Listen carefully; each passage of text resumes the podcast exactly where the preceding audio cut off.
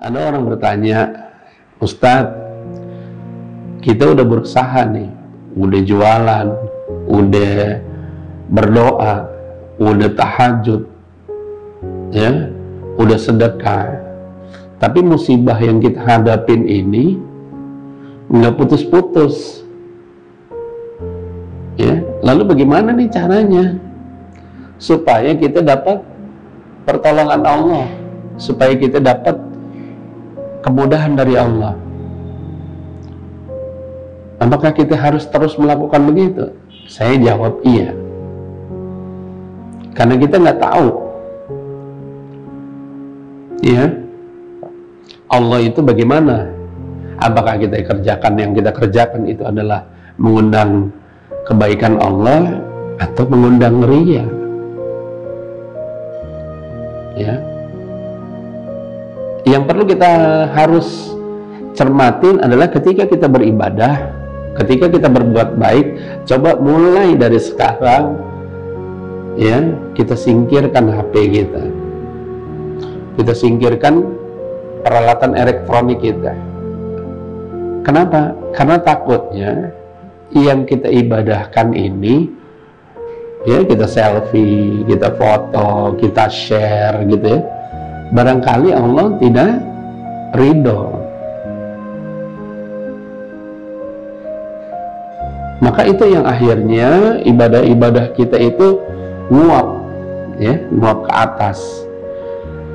Jadi pahala nggak jadi pahala jamin.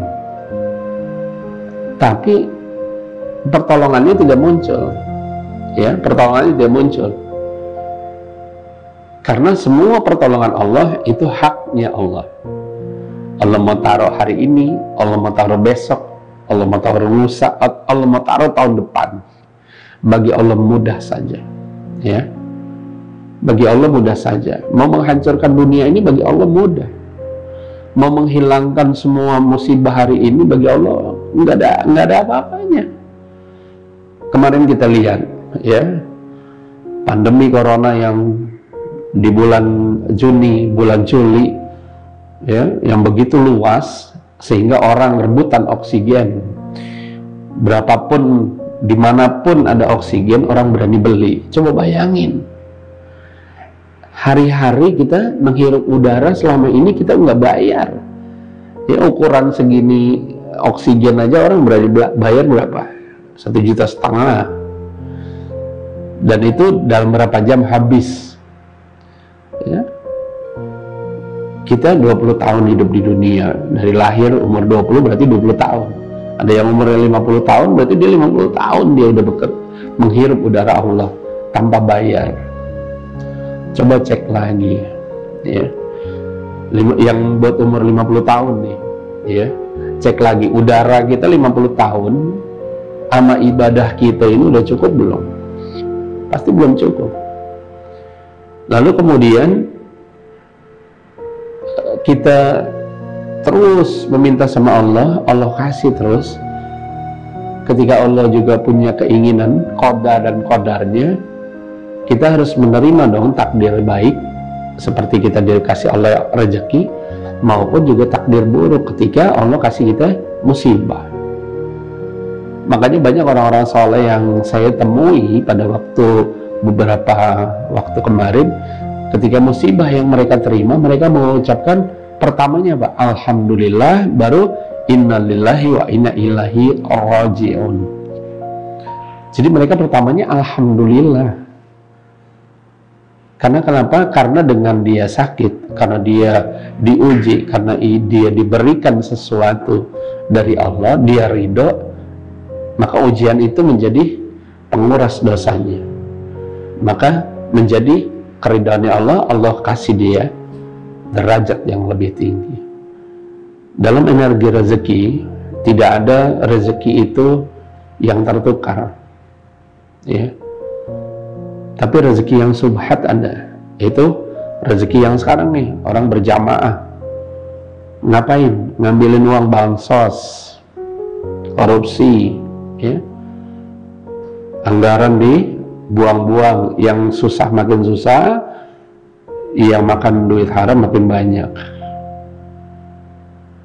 Tapi biar saja urusan dia dengan Allah. Urusan kita urusan kita adalah bertobat kepada Allah. Barangkali kita lupa bersyukur selama 50 tahun, selama 40 tahun, selama 30 tahun. Kalau umurnya ada yang 30 uh, ah, ingat lagi bahwa banyak bersyukur kepada Allah. Barangkali kita lupa tiap pagi lupa mengucapkan Alhamdulillah ya Allah nafasku masih bagus ya maka insya Allah setiap ujian pasti Allah kasih jalan keluar di zaman Rasulullah ada wabah yang lebih hebat daripada wabah COVID.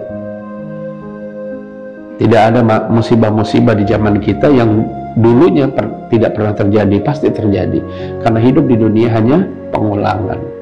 Maka kita introspeksi lagi diri kita. Kita balik lagi memohon ampun sama Allah. Kita balik lagi yakinkan hati kita bahwa barangkali musibah yang terjadi saat ini yang belum berakhir boleh jadi kumpulan dari ketidakbersyukuran kita selama ini kepada Allah. Barangkali kita lupa bahwa rezeki yang kita dapat ini juga belum rezeki yang sesungguhnya. Masih ada nyangkut ya, nyangkut rezeki orang ya yang belum kita keluarin. Ya, zakat kita belum kita keluarin, sedekah kita belum kita keluarin sehingga akhirnya menjadi apa? menjadi berlipat-lipat. Insya Allah dalam kajian energi rezeki kita mencoba menggali bagaimana kita mensiasati hidup kita ketika kita menerima takdir buruk. Karena dalam Al-Quran Allah mengatakan setiap yang ridho kepada semua takdirnya takdir-takdir dari Allah maka surga adalah hadiahnya.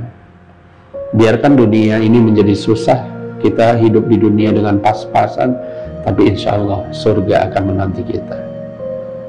Semangat terus jangan pernah putus asa jangan pernah merasakan bahwa hidup kita ini uh, sudah di ujung tanduk belum masih banyak hidup kita ya kita doakan saudara kita keluarga kita tetangga kita yang telah mendahului kita Semoga mereka ini menjadi orang-orang yang masuk surga duluan.